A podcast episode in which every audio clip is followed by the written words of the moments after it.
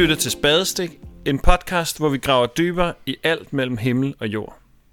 Det er en podcast, der er opstået, fordi vi var to unge mænd med en fælles passion for samtaler om tro og alt det, som er vigtigt i livet, og så en lyst til at tale med en masse forskellige spændende mennesker. I dag har vi besøg af Louise Fischer Nielsen, som vil fortælle om arbejdet med at oversætte det gamle testamente til et sprog, man kan forstå. Og den her episode er optaget under coronakrisen, så vi sidder hver for sig og optager. Jeg hedder Christian. Og jeg hedder Ulrik. Vi håber, I synes om det.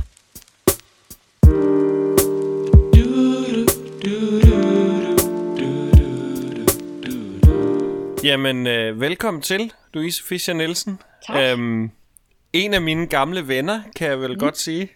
Det kan du godt Det kan sige. godt være. øhm, det håber jeg stadig, vi er. øhm, Lad os se efter den her optagelse. ja. Øh, Louise, vil du ikke præsentere dig selv?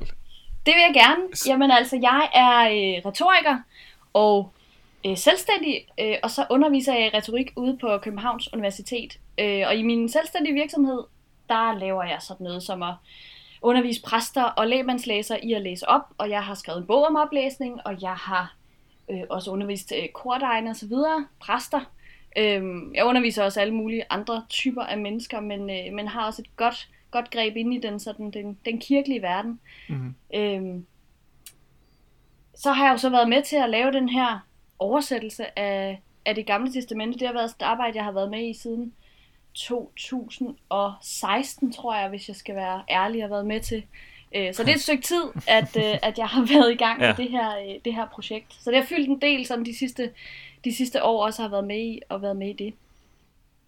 Ja, Og det er jo faktisk også derfor, at øh, vi har inviteret dig herind. Øhm, fordi den er jo sådan nærmest lige kommet ud. ja Den 20. 18. marts. 19. marts. Ja. 20. marts. 20. marts. Bibelen Øhm, 2020. Bibelen Nå ja, 2020, Bibelen 20. marts. 2020. Mm. Sådan. Øhm, og den har du været med til at, øh, at lave Ja, oversættelsen. Øhm, Ja. Og derfor så, så tænkte jeg, at hovedspørgsmålet i dag, det bliver noget så simpelt som, hvordan nudansker man det gamle testamente? Ja, nu siger du simpelt. Øh, det ved jeg ikke, om det er så simpelt at svare på, eller, eller at, at udføre. Men jo, det lyder som et meget godt arbejdsspørgsmål her til... Mm. Ja, Kan du ikke starte med at fortælle lidt om projektet? jo, det kan jeg godt. Altså, øh, projektet har jo været i gang meget længere, end jeg har været med. Det startede jo nærmest mm. dengang, at den nye aftale udkom, øh, hvor det nye testamente blev oversat til nudansk.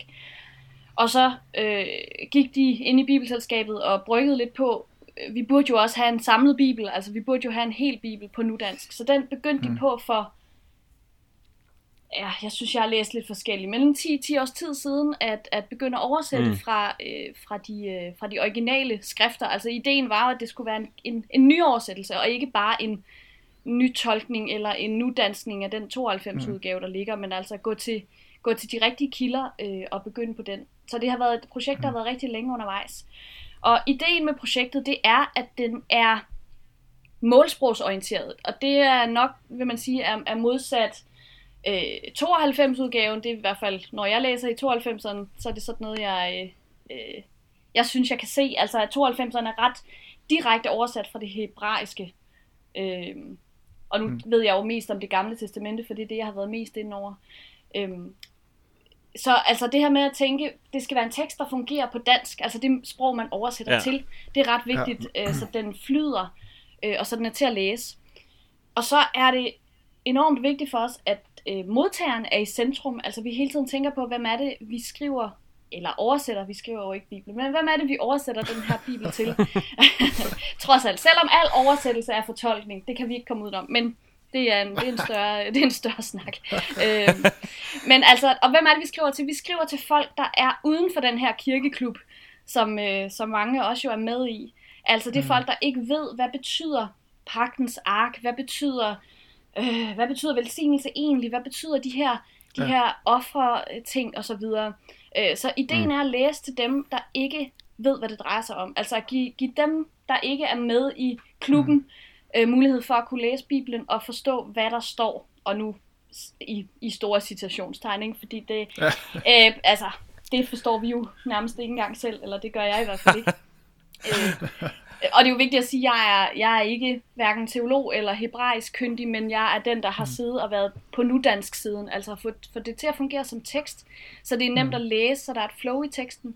Øh, og det er nemt at læse op, det har jeg også været meget ind over, at, at fordi det, mm. hvis, det, hvis I læser op af 92-udgaven, så ved, så ved I nok, at den er altså den er knudret, og den er besværlig, ja. og der det, er mange introducesætninger. ja, det er en tung tekst. Det må man og sige. man kan måske lige sige, hvis, hvis der er nogen, der lytter med og ikke lige ved det, altså 92-oversættelsen, det er, det. det er Bibelen.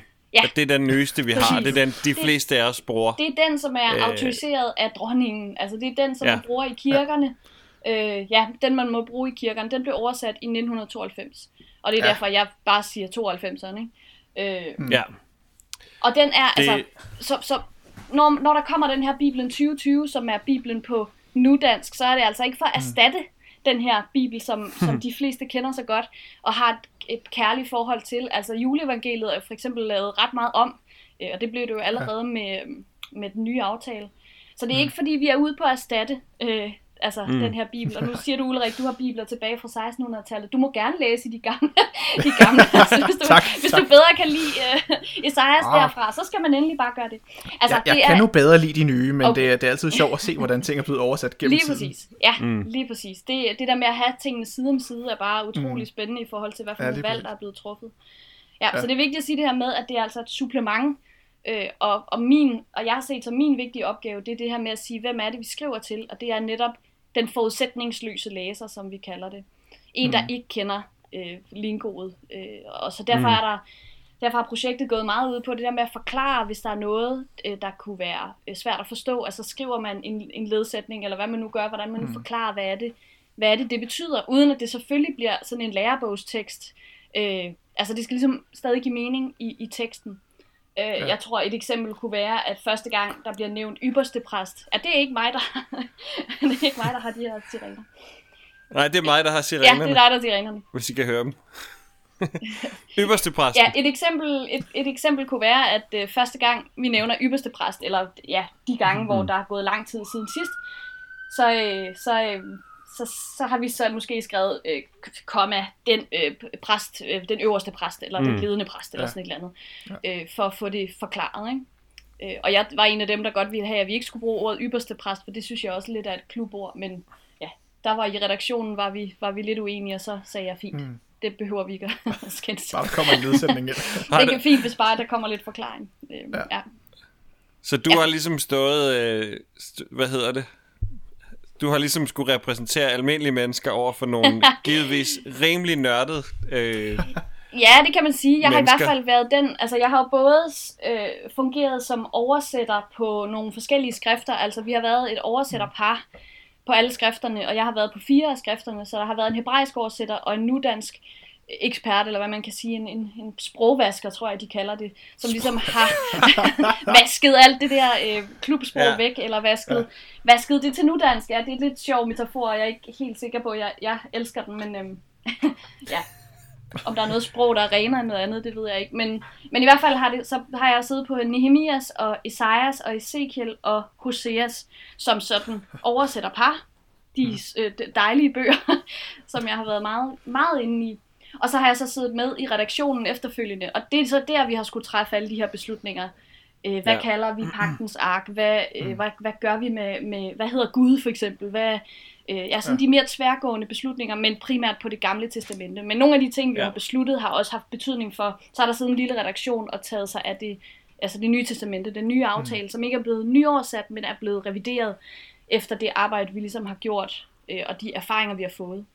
Fordi da de lavede den nye aftale, så havde de nogle ret klare dogmer, øh, som jeg tror, mm. de fandt ud af efter det arbejde, at det holder, at det bliver lidt for meget, hvis man siger, at man må overhovedet ikke bruge nogen øh, nogle kirkeord. Altså, vi har jo vi har beholdt velsignelse, øh, ja. for eksempel, ikke? fordi vi, vi simpelthen ikke kan finde et bedre ord, og så prøver vi at forklare det, mm. øh, når vi bruger det. Øh, og, siger, og nogle gange har vi også erstattet det med, med lykke eller held, eller øh, mm. hvad det nu kunne være, vi, vi tænkte, tænkte var passende mm. i den kontekst men hvor de jo erstattede velsignelse med livsstyrke dengang. Øhm, og det er jo sådan lidt sjovt at erstatte et ord, som ingen kender med et ord, der ikke findes, så man kan ikke engang slå det op. øh, så det tror jeg, de, de, de fandt ud af, at ah, det kan godt være, at vi lige skal kigge på det igen. Ja. og livsstyrke er jo sådan set meget rammende, men jeg synes også, der ligger ret meget sådan spirituelt, øh, der peger lidt i en, ja, peger lidt i en anden Ja. retning. Så jeg tror, det er meget klogt, det der med at også at sige, at vi kan godt bruge ordene, men vi skal også forklare dem. For mange vil jo også, altså mange udenforstående vil også vide, altså man kan godt føle sig velsignet. Øhm, Det ville de have hørt en, altså nogen sige, det er jo ikke fordi ordet er fuldstændig fremmed for dem. Ja. Og så skal vi så forklare i den kontekst, hvad betyder det. Men nu snakker Ja. du meget om målsprog. Altså, hvorfor er det Ja. så vigtigt at få de her øh, gamle tekster, som vi jo har virkelig mange oversættelser af. Hvorfor er det så vigtigt hele tiden at blive ved med at få det ind på det nydanske, eller få en ny oversættelse af det? Ja, ja det er jo, altså, der vil sikkert være mange, der også tænker, at det behøver vi overhovedet ikke. Men altså, hele mm. sådan et, et, et mere teologisk svar kunne være, at, at, at altså, Bibelens, Bibelen er altid blevet oversat. Der er altid blevet, ja. øh, den er altid ligesom blevet nyfortolket og genfortolket. Yes. øh, Ja. og Luther og så videre. Altså, mm. øhm, der har altid været den her oversættelsestradition, at ideen er, at, at, at Bibelen skal være relevant for dem, der læser den. Og mm. det kan man jo gøre på den måde, at man skriver, eller oversætter den, ikke skriver den, og man oversætter den i et sprog, som folk kender. Altså det, det Ja. velkendte sprog, ikke? Mm. Øh, men altså for mig at se, at den her udgave, det vigtigste ved den er, at den giver mulighed for andre, der ikke er i klubben, at kunne læse, hvad er det, der står i den her bibel. Øh, og så kan man jo have et missionsk, øh, en, et missionsk idé om, at så kan de faktisk, de kan møde Bibelen, de kan møde historierne Ja. øh, med et sprog, de forstår. Øh, og man kan også være mere øh, øh, sådan, ja, kulturel og sige, at, at de har mulighed for at læse nogle af de tekster, som faktisk er enormt vigtige i vores kultur og i vores, ja, som har stor betydning for mange af de ting, der sker i vores kultur og i vores verden. Ikke? Mm. Øh, så det der med at gøre den relevant og tilgængelig for, for, for dem, mm. øh, for folks liv og, og, og, og verden og, og syn på, på verden, det, det vil jeg sige er noget af det vigtige. Fordi det er så betydningsfuld en bog. Om man så ja. har det, om man så mener, at det er en, ja, en religiøs forstand, og det er vigtigt, at folk faktisk kan møde de her øh, Bibelens tekster, eller, eller om det er mere den her kulturelle forstand, det, det kan man jo mm. selv øh, vurdere. Men der er, også, der er så også et eller andet i, at, at måske særligt det gamle testamente, det rummer mm. også et, et større narrativ, øh, altså som, som fylder ret mange sider.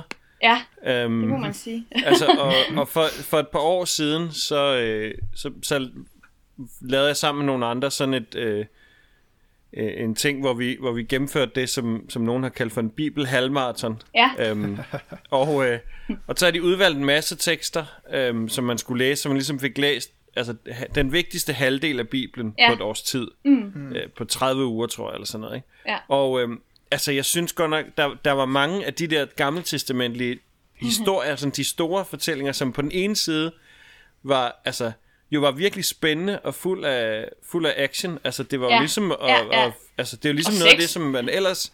Ja, det er der også masser af. masser af. Og, og det er ligesom nogle af, de, nogle af de historier, man ellers dyrker, altså nogle af de film, mm. man ser, eller nogle af de serier, man ser, eller nogle Ja. af de bøger, som vi læser. Ja. Øhm, men, Men der er ikke specielt meget der teologi i det. Altså, det er i Nej, hvert fald det- ikke en specielt spændende Gud, vi møder. Øh, Nej, det, det er jo så en helt anden... Øh, den, er det ikke selvfølgelig... den, den episode har vi også... Øh, det kan vi Nej, klippe ud, den- det nej, det er, Ej, det- det er faktisk et, et virkelig vigtigt spørgsmål, mm. som, øh, som vi har dedikeret en hel episode til, Okay, det- ja, hvor, hvor vi det spørger gemmer ind Det om kommer det. senere på Øh, Det sæsonen. kommer senere, så teaser Bare vent. det Øhm, Ja. God teaser. Men min pointe er, at det, det kan være enormt svært at dykke ind i det narrativ og, og ligesom opleve ja. Hele, he, hele historien, mm. når, når man læser det i den der sådan lidt ældre, lidt snørklede oversættelse, ja. Hvor du hele tiden bliver afbrudt i din læsning af, hvad i alverden stod der lige Præcis. der. Og, Ja, lige præcis. øhm, og det er jo så det, det er jo sådan, Ja, uden at jeg har, nu, nu fik jeg den 2020-oversættelse i, i sidste uge, så det er ikke sådan, mm. jeg har læst hele det gamle testamente til Hva? i dag. Ja, Nå, øhm, okay. men, men det er jo sådan noget af det, jeg tænker, der, der er også en mulighed for, at man faktisk kan dyrke Ja. narrativet, i stedet, mm. for, øh, i stedet for sådan de enkelte sætninger. Ja. Og så tænkte jeg, inden vi, jeg synes, vi skal prøve at komme lidt mere ned i, øh, i hvad, hvad I sådan rent konkret har gjort, mm. og sådan nogle af de udfordringer, der er, så er det måske også relevant nok at nævne, at sådan inden for bibeloversætter-tradition, så har man sådan ligesom et, et spektrum mellem øh, det ekstremt fortolkende, mm. øh, hvor man mm. virkelig genfortæller og, øh, og parafraserer, kan man sige, Ja. Øh, hvor man prøver at oversætte betydning øh, mm. og mening, og så er det, så er det ekstremt tekstnære, ordnære, hvor man, mm. hvor man oversætter ordene så præcist som muligt, ja. som man Ja. nu synes, og så, så, så hvor god en tekst det så lige bliver, det, det er mindre vigtigt, for mm. man vil gerne have så præcise oversættelser mm. af de enkelte ord og af sætningerne. Ja. Øhm, der kan man sige, den her oversættelse befinder sig vel i det ekstremt fortolkende. Jo, altså det, øh, mm, vi, vi har jo, det, det, ja, en hver, igen, Ikke- jeg har sagt, en hver oversættelse er jo en fortolkning. Altså der, Ja. er jo, der er jo intet blivende af den tekst, man starter med. Altså alt Nej. er nyt. og, Ja. ja. og, og, og det er jo virkelig, øh, det er jo virkelig, virkelig, virkelig, altså den, den der, selvfølgelig kan man være mere eller mindre direkte oversættende, men vi har jo klart mm. været funktionelle i vores oversættelse, plejer vi at sige. Altså, vi oversætter mm. funktionen frem for ordret. Altså, hvad er det, den her del, eller den her sætning, eller det her ord skal gøre i teksten? Skal det, mm. Er det ude på at forarve? Er det ude på at trøste? Er det ude på at øh, ja, fortælle, en, hvad er det for en historie, det vil fortælle? Og, mm. og derudfra sige, okay, men så kan vi sagtens skrive noget, der slet ikke er de samme ord, som der for eksempel ville så stå i 92-udgaven. Øhm, men, men som vil have den funktion, som de oversættere, som jo ved alt om hebraisk og så videre, siger, der er. det må jeg jo bare tro på, at de siger, jamen Ja, ja, ja. det her kan godt forsvares i, i, i, i sammenhængen. Mm. Øh, Men det betyder altså også, at, at, øh, så det betyder også, at vi har slettet en del og slået nogle vers sammen. Øh, der er en masse mm. navnelister, vi har sagt. Hvad, hvad har funktionen været? Der har måske været en funktion, øh, dengang det blev skrevet ned, men hvad, er der, en- er der ja, hvad, hvilken, hvad kan vi, hvad kan vi ligesom, hvad kan, hvad kan det bruges til for os i dag, og for den, der ikke er en forsker, så det er jo ikke en forskningsbog. Nej. Så der kan, kan vi, der har vi godt kunne forsvare og sige, okay, nogen nedstammer i lige linje fra, altså den, den, for det ja. første navn nedstammer i lige linje fra det sidste navn, eller omvendt, hvordan det nu lige passer. Men mm. så ikke at have alle de der mellemnavne. Øh, og, ja, og nogle gange slået, slået, slår vi vers sammen, for, fordi at, at det giver ikke mening at holde øh, skældet, fordi det historien mm. fortsætter, eller øh, pointen Ja. fortsætter, eller hvad det nu er. Øh, og, no, og tit er der jo altså også nogle... Man kan godt se, at den tekst jo nogle gange altså, har været lidt i stykker, blevet sat sammen på en lidt anden måde, end, end det ja. måske lige var tænkt, hvor der er nogle vers, der kan stå hulter til bulter, øh, som passer mm. slet ikke ind i den narrativ, der lige foregår. Øh, og så har vi også kunne, godt kunne tænkt, at vi kunne flytte rundt på det. Vi har haft det princip, at vi ikke flytter øh, på tværs af kapitelgrænser. Øh, og det betyder også, at vi har holdt fast i de der kapitler. Det kunne man jo også sagtens have valgt Ja. at lade være med. Ja. Øh, Men det er vel så også noget af det, der gør, at man kan bruge den sammen med, den, sammen med de andre Ja, oversættelser. lige Ja. præcis. Jeg havde også en idé om, at det kunne være smart at undgå de der små tal, altså værstallene, fordi det vil, Ja. let, det vil let læsningen. Altså man vil, man vil ikke blive brudt. Altså som du siger, Christian, det her med, at man mm. bliver... Øh, altså sprog, ja, den, teksten bliver mere gennemsigtig på en eller anden måde, så man mm. kan læse den som en, en tekst frem for, nu er det en bibel, og her står et lille bit tal, og er det en fodnote, eller hvad er det? Øhm, mm. Og det er det så ikke, for vi bruger ikke fodnoter i vores i den her udgave. Det gør også tingene en lille smule sværere, så teksten skal ligesom Ja. være, være selvforklarende, ikke?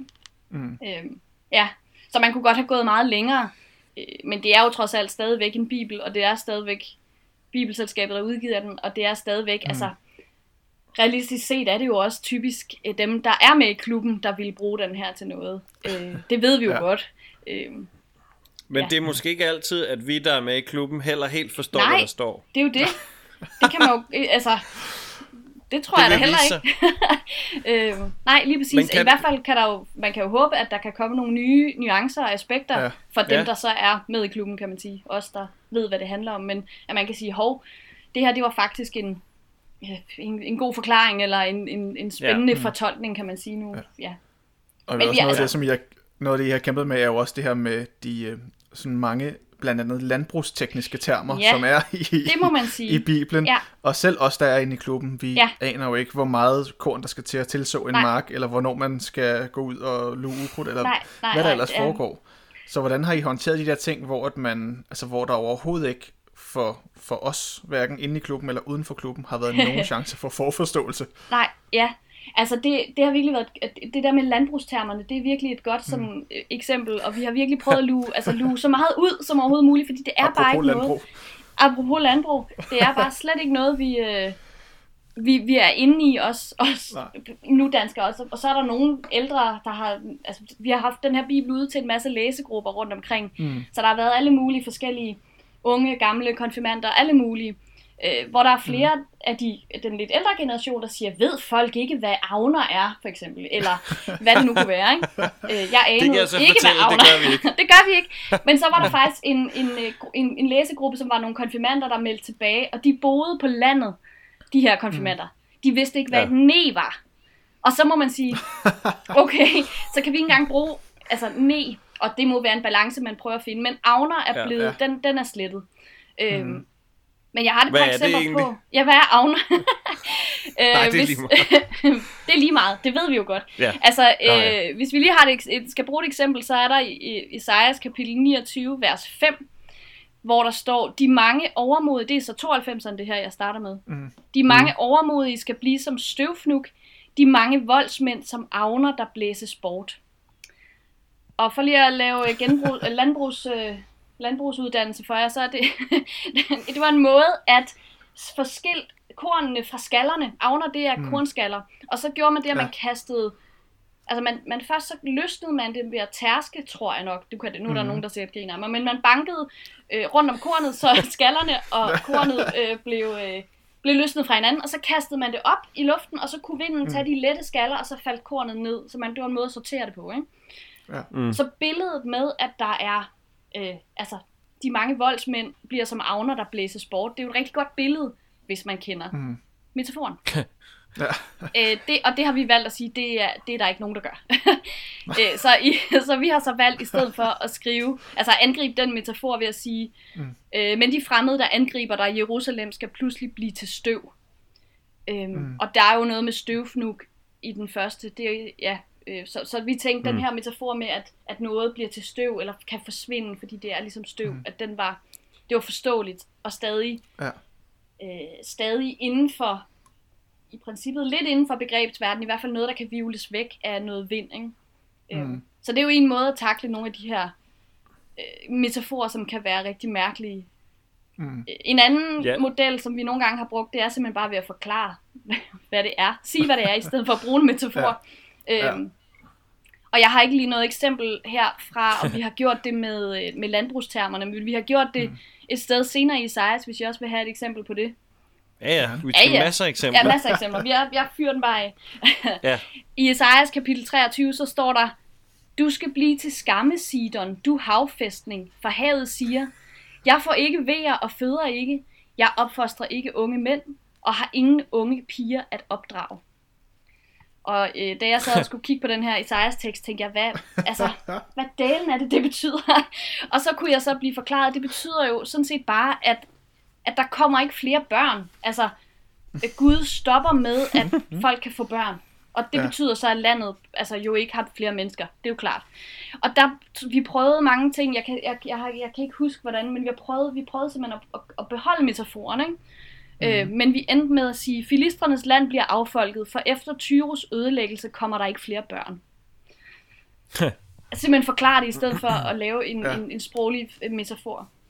Og det er jo også en af de her øh, et, et, et, et, hvad kan man sige, et, et, et, et skisma mellem, er det poetisk smukt, er det øh, Mm. mm. storladens sprog, og på den anden side er det klart. Mm. Og nogle gange, så vil jeg sige, at vi er gået på kompromis med den der, altså man kan selvfølgelig godt have noget, der er klart og smukt samtidig, det er ikke fordi, der ikke må være smukt sprog i, i, i Bi- Bibelen 2020, men når alting er svært at forstå, altså når indholdet er svært og, og, og dunkelt at forstå, så har det i hvert fald for, for mig at se været vigtigt, at det har været klart. Og så Mm. er det, var det, har det nogle gange været på bekostning af, at det er blevet lidt fladt. Altså det, det er der mange, der, der, der kan anfægte, at så kan der godt komme sådan lidt, okay, nu bliver det godt nok meget øh, fladt sprog, men, men det tror jeg egentlig også er okay, hvis det er nemt at forstå. Mm. Mm. Det har i hvert fald været min, min idé, at, ja, at det, det var egentlig vigtigere i mange sammenhænge, særligt i Isaiah, som jo er så øh, kompliceret. Altså.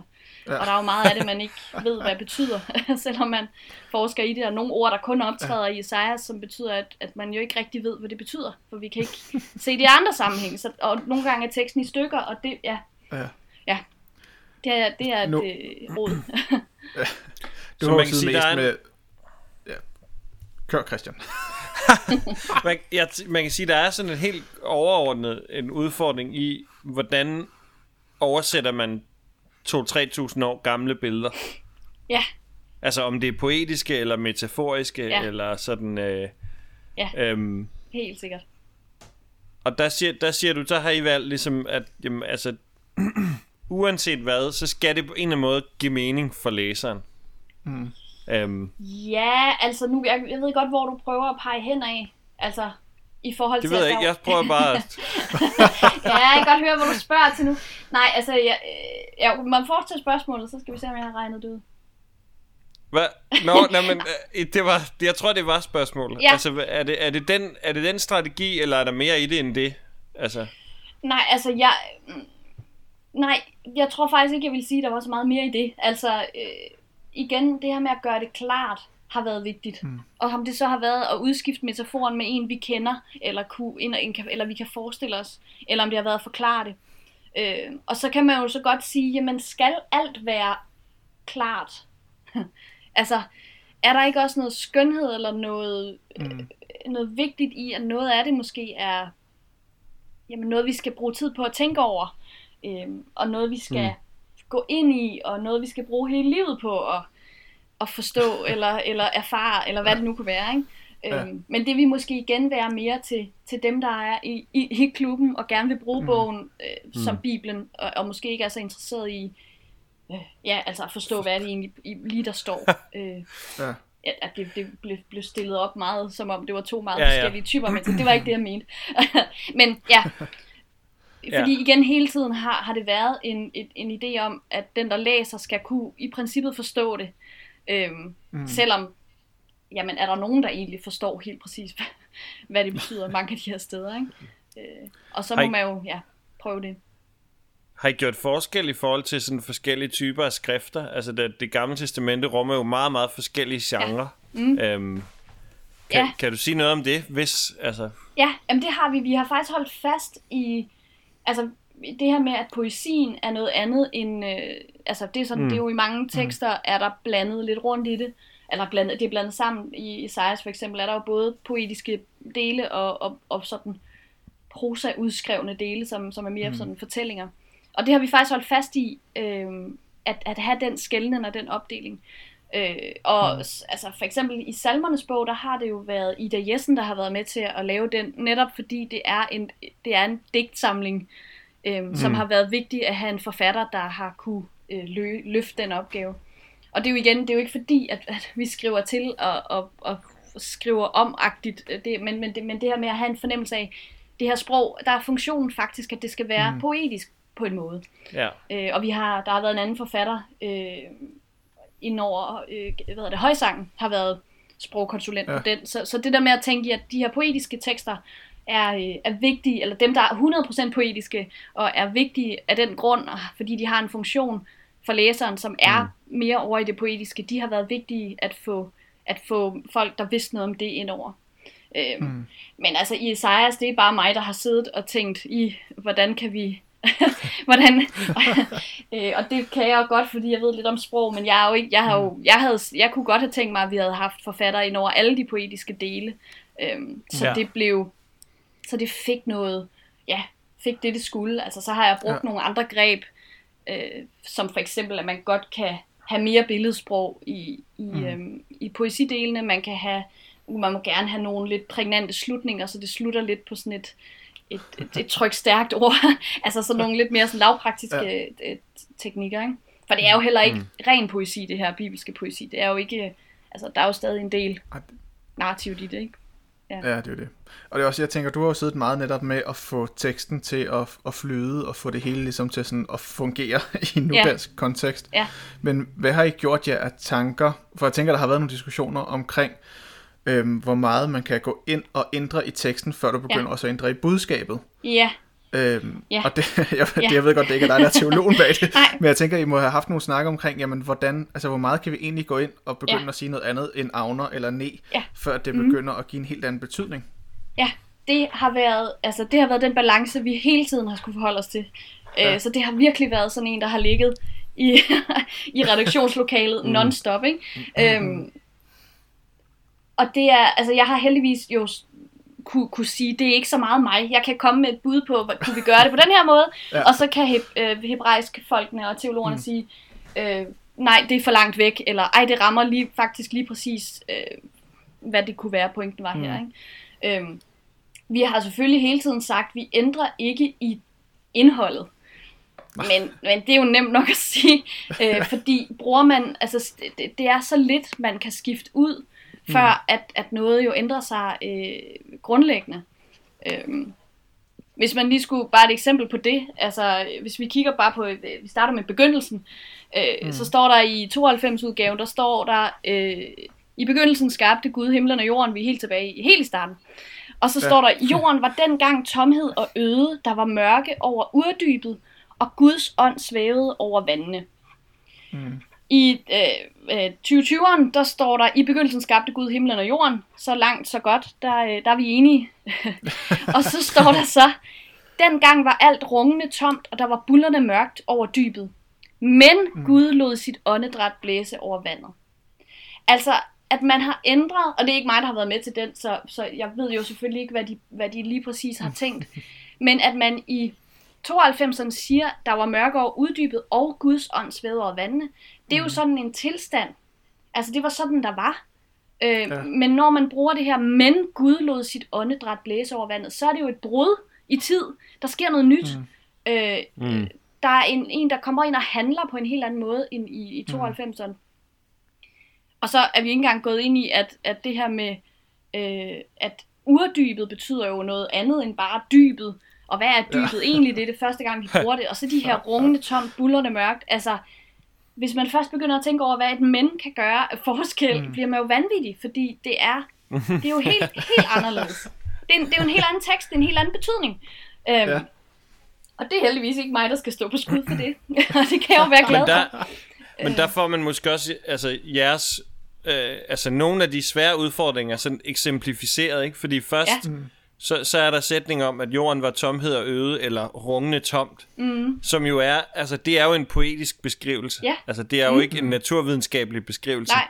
Men lige efter, så, så, så bliver det altså totalt vigtigt, sådan rent teologisk, ja. om, om det er et og eller et men, der står ja. der. Og så, mm. og så lige pludselig, så, så får du en, øh, altså, så, så, så får det, det, var bare et eksempel, tror ja. jeg, tænker på det, som du forklarede om, at at teksterne blander sig jo. Altså, mm. man, man skal mm. oversætte noget, der er en poetisk beskrivelse af, hvad i alverden var der før alting. Ja. Eller, mm. ja. og så lige bagefter, så skal man øh, specifikt vælge et ord frem for et andet, for ja. at beskrive, mm. altså... Ja, og det er, er det, det samme ord nyt? på hebraisk, har jeg ladet mig fortælle. Altså alle de her små konjunktioner øh, kan, kan godt betyde og, det kan også betyde men. Øhm, og tit i for eksempel altså juleevangeliet, det kan også, og man kan også udlade det. Altså i juleevangeliet er der jo en masse af de her, og det skete i de dage, hvor man, mm. altså, mm. hvor man sagtens kan forsvare som oversætter at, at droppe det der og og sige, en gang skete der det. Altså, man behøver ikke det der og, men det her og, fordi der altid bliver indledt med det her lille bitte ord på, på hebraisk, som kan betyde alle de her forskellige ting. Mm. Øh, derfor har man så overført det i, i, i blandt andet 92'erne, og så bliver det her og, og, og, og, som vi kalder polysyntese, hvis man skulle bruge et, et uh, sprogord. et ord, som ingen kender. et ord, som ingen kender, som betyder, at der bare er rigtig mange sideordningskonjunktioner, som er og. Men hvis man mm. prøver at læse øh, juleevangeliet, altså så er det, det er, og, og så skete der det, og så skete der det, og så skete der det, og så sagde han det, og så skete der det, og så gik det derhen. Det er virkelig sådan et, det er en mærkelig måde at lave, eller det er en sjov måde at lave et flow på, ikke? Som, som har sådan en, mm. En et, et, lidt børnet over sig, men samtidig jo også er meget højtidligt, fordi det er her det største jo sker. Øhm. Mm. Men det er, der, det er fuldstændig udladt i, øh, i, altså det er ikke noget, vi forbinder, i hvert fald noget, vi har, vi har, øh, vi har tolket som, at det, sådan gør man ikke på nudansk i en tekst. Altså det virker underligt i en, i en nudansk tekst at have den, øh, den struktur der. Med mindre man, mm. altså, man bruger det jo meget i sådan nogle romaner, mm. øh, hvor man laver sådan noget stream of consciousness. Jeg er, nej ikke jeg er Hassan. Hassan Preisler, den anden Hassan. Øh, Brun mands byrde.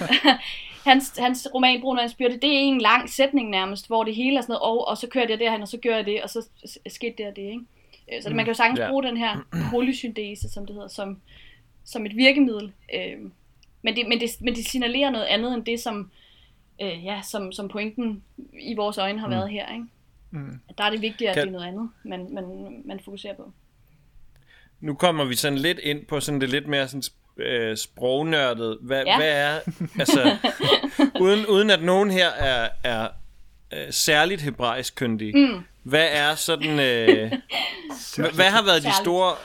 Hvad har været de store øh, udfordringer ved at oversætte fra hebraisk, altså i det gamle testamente, til, Ja. til nudansk? Altså, hvor, hvor ligger faldgrupperne, eller hvor Ja. er, hvad er det mærkelige ved hebraisk i forhold til det, det sprog, vi er vant til at tale? Ja, der er rigtig meget mærkeligt øh, ved hebraisk. Og øh, altså, hvis I vil have den, den, den lange og meget nørdede, så skal vi jo finde en af de gode hebraiske oversættere.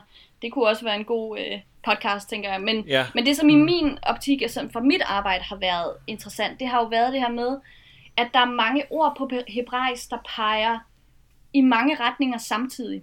Altså, der er en masse medbetydninger i nogle ord, fordi at mm. roden i ordet er det samme som et andet ord, derfor klinger, klinger det med. Altså for eksempel, hvis jeg skulle prøve at have et eksempel, som man kunne forstå på dansk, altså ordet brød, navnordet brød, det vi spiser, øhm, mm. der klinger der måske det her med at bryde, altså man brød det. Altså der klinger måske det ord med, når vi bruger ordet brød, og derfor klinger nadveren med på en eller anden måde, hvis man skulle være meget sådan højstemt. Mm. Ikke? Men altså det her med, at fordi ordet lyder som noget andet, eller har noget af det samme i sig, så, så, så klinger det med. Det bruger de rigtig meget mm. på hebraisk som virkemiddel. Navne er altid sådan, sådan et eller andet øh, lidt pånagtigt noget, ikke? Altså det bliver Ja. ja. sådan lidt, øh, ja, man, man, man, man drejer ordene lidt, og det er jo umuligt mm. at oversætte, eller finde en, en god model for på dansk, fordi det er slet ikke den samme måde, vores sprog fungerer på. Mm.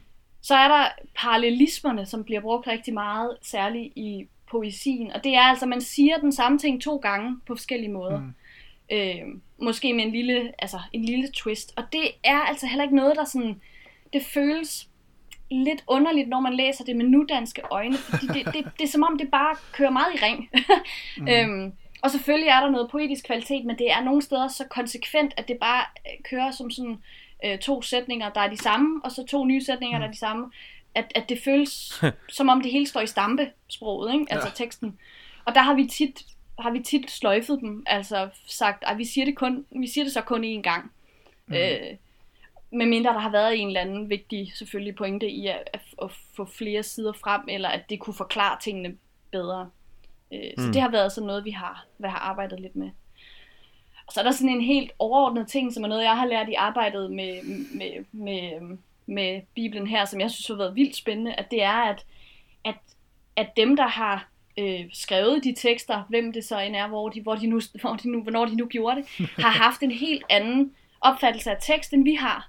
Øhm, for os er tekst noget, man starter ved det første ord på den første side, og så slutter man et sted. Det er meget linært, den måde, vi forstår tekst på. Men, men de har, har jeg lavet mig fortælle af de hebraiske folk, jeg snakker med, at de har, de har altså haft et meget mere flydende tekstbegreb. Man må gerne sige, hov, men det var jo selvfølgelig Esajas, der skrev det her, for ham kender vi, og han er, selvom man måske selv har skrevet det, man må sagtens sådan bytte lidt rundt på det, og så tage, vi tager lige noget herover fra, og så sætter vi det lige ind her, for det passer bedre lige nu. Øh, og så kan det godt være, at man bytter rundt på det igen senere. Altså at tekst på den måde ikke har været linært, men har været meget mere flydende. Mm. Og det kan jo forklare nogle af de udfordringer, der er mange steder med, med, med et vers, der står forkert, eller ja, er Ja. blevet klippet et forkert sted ind, så man vil, jeg vil ønske, at vi kunne sige, ej, lad os modellere det på plads, ikke? Øhm, men som måske har været lige langt nok væk fra, fra det, fordi så er der jo en tradition, mm. trods alt stadig, ja. som gør, at det skal ikke være, det må igen, det, vi må ikke gå over i den, altså det er ikke en genfortælling, men selvfølgelig er det en fortolkning, fordi al oversættelse er fortolkning. Det er vi ja. meget bevidste om. jeg tror også meget af det, du snakker om der med, at, at teksten, tekstbegrebet ligesom ikke har været det samme, kommer Ja. jo også af, at de her, især de hebraiske tekster, jo har været mundtligt overleveret Ja, fra generation til generation til generation, før det så på et eller andet tidspunkt er blevet skrevet ned. ja, Og derfor så har man jo også haft øh, mange flere led og, og forskellige bifortællinger. Det er ligesom ikke, du kan sagtens have den, den samme historie i mange forskellige tekster, Ja. men forskel, fortalt på forskellige måder, som ligesom på et eller andet tidspunkt skulle kombinere det til et eller andet. Ja. Ikke? Ja. Og derfor så er det jo også, det, det er bare ikke helt på samme måde, som når vi sætter os ned i dag og skriver en roman. nej, Øh, det, vil, det vil svare til, at vi fandt på en roman, og så genfortalte den i et par tusind år, før vi så skrev den ned. Og så Ja. ville det jo bare være noget helt, helt andet, ja, vi kom ud med, ikke? Ja, lige præcis. Og så tog, alle siderne og gemte dem rundt omkring på Forskellige adresser. Og skulle Og man så- selv sådan prøve at finde ud af, hvad for, en, ja. hvad for en side, der var side 1. Og så var der nogen, der Øhm. efter nogle år valgte at sige, Nå, men hvad skal vi så? nogle helt andre, der sagde, hvordan samler vi så det her til noget? Ja. Hvad skal vi vælge nu? Ja, og der, derfor synes jeg også, det har været rigtig fedt at, at arbejde så meget med oplæsning. Altså at simpelthen få den mundtlige tradition på en eller anden måde tilbage i det, eller at det skal være en tekst, der er Mm. god at læse op også. Jeg har læst Ja. ja. det meste af det, jeg har været igennem, eller jeg har læst alle de tekster, jeg har været igennem op, op flere gange, og andre tekster også. Altså det har været, det er en helt anden oplevelse at læse den her tekst, og den kommer også på lydbog faktisk det hele, mm. eller det er kommet, så man kan også lytte til Bibelen på nudansk nu, så det, det, er, en, Sådan. det, er, jo, det er jo fedt, altså. Så er der Ja. en chance for dig, Christian. Så får du den Du alligevel kan bare, når, du- når du er ude og spille Kan- golf eller et eller andet, kan du så ikke sætte, Så, Det kan så man kan jeg ikke. bare sætte den på som du kan lydbog. bare høre Bibelen, ja. På, Men, til og min forestilling er, at den, at den kommer nok til at fungere noget bedre som lydbog, end, øh, end den, altså, de Ja. mere sådan, altså ordnære oversættelser. Altså, det, Det- kan, det er jo enormt vildt. tungt at lytte til. Ja. Altså, jeg har prøvet at lytte til Bibelen 92 som, som, som lydbog, mm. og efter to minutter, så tænker jeg, okay, det her, det er spild af tid. Ja. Altså, det, der kommer ingenting ind Nej. i... Øh, Nej. det, der er det bedre at læse, for der er man Ja. nødt til at læse langsomt, og... Øh, Ja. og der vil jo være en helt anden måde, en helt anden mulighed for at gå ind i, i, øh, i historien, øh, præcis. og, sådan, og høre det som en, som en fortælling. Ja. Forestiller jeg mig. Ja, altså det er i hvert fald også, øh, vi har ikke hørt, jeg, jeg var lidt, jeg hjalp lidt de her, øh, dem der skulle indlæse det, holdt lige lidt, et, Ja. ja. var med til det intromøde, der blev lavet, for det er jo en kæmpe udfordring for, for en, en lydbogsindlæser at skulle læse Bibelen. altså bare alle de ord, hvis man ikke, hvis man ikke selv er, er, er, kommer i kirken, så ved man jo ikke, om det hedder øh, Gethsemane eller Gethsemane, eller hvad det nu, altså man kan jo lægge trykket ja. fuldstændig på, og der, der er så mange navne, og der er så mange ord, øh, så det er en kæmpe udfordring. Øh, men jeg har ikke hørt, at de har haft, at det er meget sværere end, end, end altså de, de havde prøvet nogle, nogle tekster, som de så sagde, at det, at det virker ret lige til at læse op, og det er jo bare, Mm. det er jo fedt, altså, at det kan blive en bog, der også kan leve øh, Ja. til ørerne, og ikke kun skal sidde og studeres, ikke? Øhm, Mm. Den er jo også af samme grund sat op, sådan at den ikke er i de der to bibelspalter, men, men den er lidt mere en, altså mimer en lille smule mere en, en bog, hvor, hvor, Mm. hvor det er flowet i teksten, der er vigtigere Ja. end øh, ja, de enkelte ja, ord, eller hvad, Ja. ja. hvad det nu er. Altså, du nævnte, du nævnte helt i starten et spørgsmål, som jeg har skrevet ned, som jeg tænkte, det skal vi i hvert fald ind på. Ja. Øhm, nemlig, hvad hedder Gud? Ja, hvad hedder Gud? ja, det er rigtigt. Øh, det har vi diskuteret rigtig meget, hvad Gud egentlig hedder. Og jeg ved jo godt, hvad, hvad, hvad det svar, som egentlig står i Bibelen, er. Øh, men, men det vi har diskuteret os frem til, og som jeg også øh, vil være helt enig i, det er for en udenforstående læser, så hedder Gud Gud.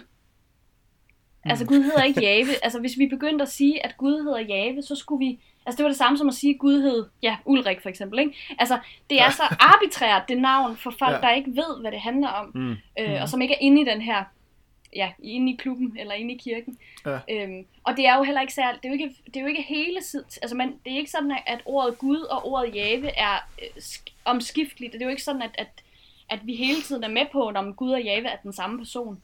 Mm. Øhm, så bliver det brugt ind imellem i de her øh, lidt sådan øh, ordleje, som jo også er helt svære at, ja, at få oversat. Jeg er den, jeg er, og så videre, ikke? Øhm, som jeg ikke lige kan huske. Der blev lavet en elegant løsning, som jeg ikke kan huske lige nu. Den må I, den må I se, om I, I kan finde. Vi finder Øhm, den. I finder den. Øhm, Ja. så, så, så simpelthen tanken har været, hvis man ikke, øh, hvis man ikke ved, hvis man ikke kender øh, til det, så hedder Gud Gud, og det gør han, øh, det gør han simpelthen i, i Bibelen Mm. 2020. Mm. Og igen for det her med, hvis, man skal ikke skære sig på, man skal ikke skære sig på tingene, hvis, fordi hvis man først begynder at sige, hvem er, hvem er Jave, hvorfor har jeg ikke Mm. hørt, at det er Gud, øh, så, så, så læser man ikke teksten, så stopper Nej. man op der, og så kommer man måske aldrig videre. Så det har været Også den af det- overvejelse. Ja, noget af det, som jeg også har lagt mærke til, er, at ordet Israel også i mange øh, ja. Steder er blevet omformuleret. Fordi Ja. Israel jo i dag, eller efter øh, 2. verdenskrig. Ja. har fået en enorm politisk betydning. Ja. Og, og jeg ved, at mange i, i det kirkelige bagland, jeg har, er blevet meget provokeret over, at man har Ja. skrevet Israel ud, fordi det betyder meget for dem. Ja. I den, øh, Ja. i, i, af mange forskellige grunde, ikke? men nu har man så begyndt at kalde det for øh, ja, altså Guds udvalgte, ja. Eller jøderne, mm. eller det jødiske ja. Ja. folk, eller hvad der har givet mening. Ja. Øhm, og det synes jeg personligt er super fedt, Ja. fordi det, giver en meget, det, det gør det meget nemmere for, øhm, Ja. For andre folk i dag at relatere til, fordi mm. at folk i dag ikke ved, at vi snakker om et Israel-begreb fra før 2. verdenskrig, hvor det pludselig kom en stat, der hed Israel også, og sådan nogle ting. Ja. Så det er, ja, Ja, faren er jo i hvert fald, at man kommer til at blande de to ting sammen, ikke? Øhm, ja fuldstændig. øh, og det er jo også derfor, vi siger jo ikke israelerne Altså, fordi det, Nej. det knytter sig ligesom til nogle andre mennesker. Vi holder fast i det her israelitterne, ikke? Øhm, Mm. men vi har, altså det her med, hvad Israel og Nordriget, øh, altså Israel og Juda, hele den mm. sådan diskussion, fordi det, øh, åh, for det skifter jo også lidt, hvad der passer med hvad, og øh, øh, ah, det har været kæmpe, kæmpe, og hvad, jamen, så var der nogle krige, og så skete der, der øh, ah, øh, Det tror jeg det- næsten er større problem end med Guds navn, er det? Ja, jo, det vil jeg sige. Det har vi i hvert fald brugt meget længere tid på at diskutere. Og jeg har fået, altså, hmm. der var sådan et, et møde, hvor vi fik tegnet hele sådan en kæmpe tavle med, hvad skete der der, hvad hed det på det tidspunkt, hvad skete der så der, hvad hed det der. Altså, jeg kan overhovedet ikke huske det. Øh, noget værd mas. Altså, øh, og jeg har hele tiden plæderet for den løsning, der hed, at vi simpelthen konsekvent siger Nordisrael og Sydisrael. Fordi så kan man også sige hele Israel, når det ligesom er Mm. alle delene samlet. Det er det jo på noget Ja. tidspunkt. Fordi at det er forvirrende, at det hele er Israel, og noget af det også indimellem er Israel. Ikke? Mm.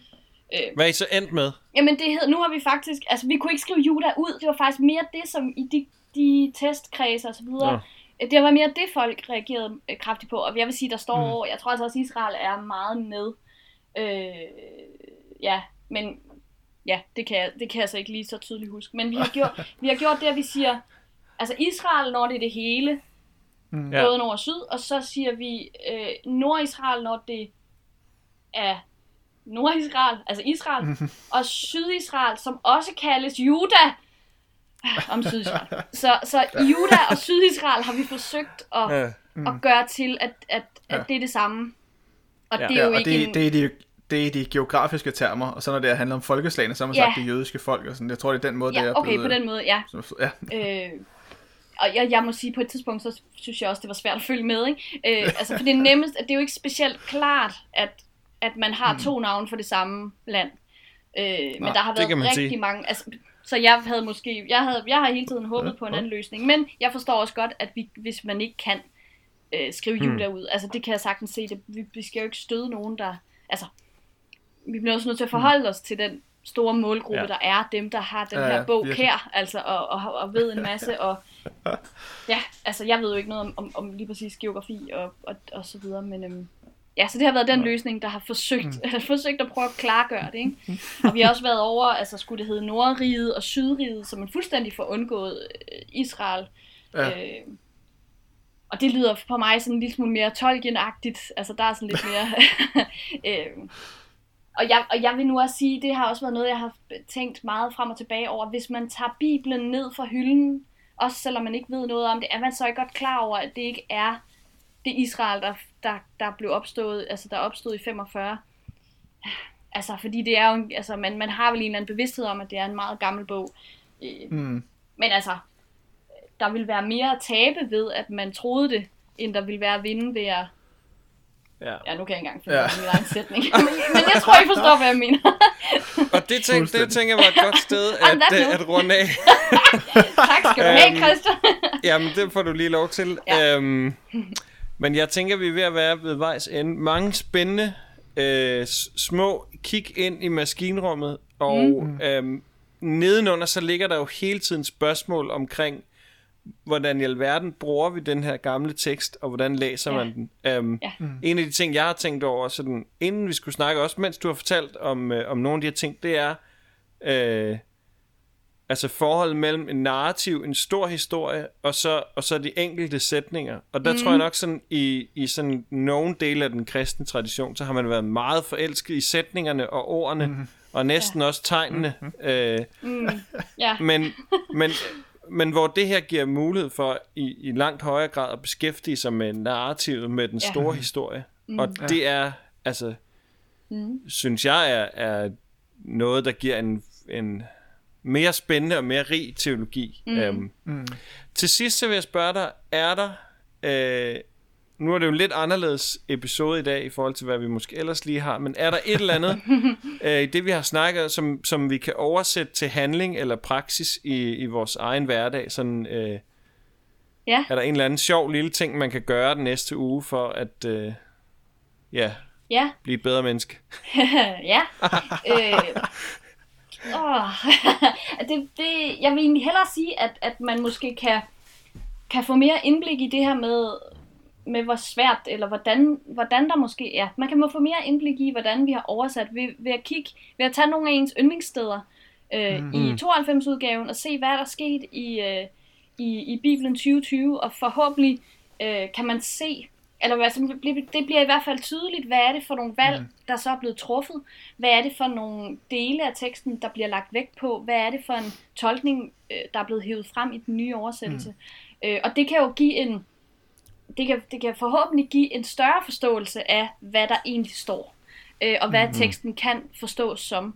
Øh, så det der med at, at prøve, at, jamen, og hvis man har tilbage fra 1600-tallet, så kan man jo, så kan man jo starte helt der.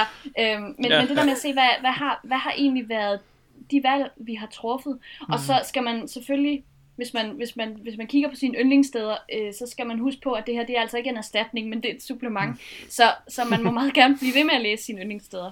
Øh, men, men, men jeg vil sige, der er flere, jeg har talt med, som, som har været skeptiske over for projektet selvfølgelig, øh, mm. ikke selvfølgelig, men har været skeptiske over for projektet, øh, men som har, så har læst Esajas for eksempel og sagt, hov, altså det er noget helt andet det her med, at der faktisk bliver talt på det sprog, jeg selv taler. Mm. Mm. Øh, jeg får nogle nye ting frem i, i teksten, øh, og som jo ikke betyder, at man behøver at smide, smide 92-udgaven ud af vinduet, mm. øh, men det kan give nogle nye, nogle nye perspektiver på, hvad er det, hvad er det der sker i, i teksten. Så det vil jeg anbefale, man kan prøve at dykke ned i. Super godt. Øhm, til sidst, så vil jeg bare spørge dig om, uh, hvis nu, at man, man tænkte, Ja, det kunne da være spændende at, øh, at høre mere om det her. Ja. Kan, man så, kan man så få fat i dig og måske invitere dig ud til, øh, til et lille foredrag? Det kan man altid. Det, er, øh, det nyder jeg meget, så det må man meget gerne øh, gøre. ja. Jeg ved, I, I har skrevet mit, øh, mit fulde navn med bindestreg Louise Fischer Nielsen i uh, show notes. Øhm, og hvis man skriver www.louisefischernielsen med bindestreg.dk, så kan man finde mig på nettet. Og der står også noget kontaktoplysninger og så videre. Og man og... kan også finde mig på LinkedIn, hvis det nu var, øh, ja. man, man ville det. Og det kunne jo godt være, jeg ved for eksempel personligt i den kirke, hvor jeg arbejder, der har vi haft besøg af Louise ja. til sådan en lille foredrag, og mm. øh, jeg var selv forhindret, fordi mine børn var syge, men øh, forlydenderne er, at det har været utrolig spændende. Um, så der er en lille opfordring derfra. Ja. Det var alt, vi nåede i dag, og øh, jeg håber, at du er kommet helt med os til vejs ende. Øhm, håber, at du synes om det. Og som altid tager vi gerne imod øh, feedback og konstruktiv og rosende øh, kritik og alt det der. Vi høres ved. thank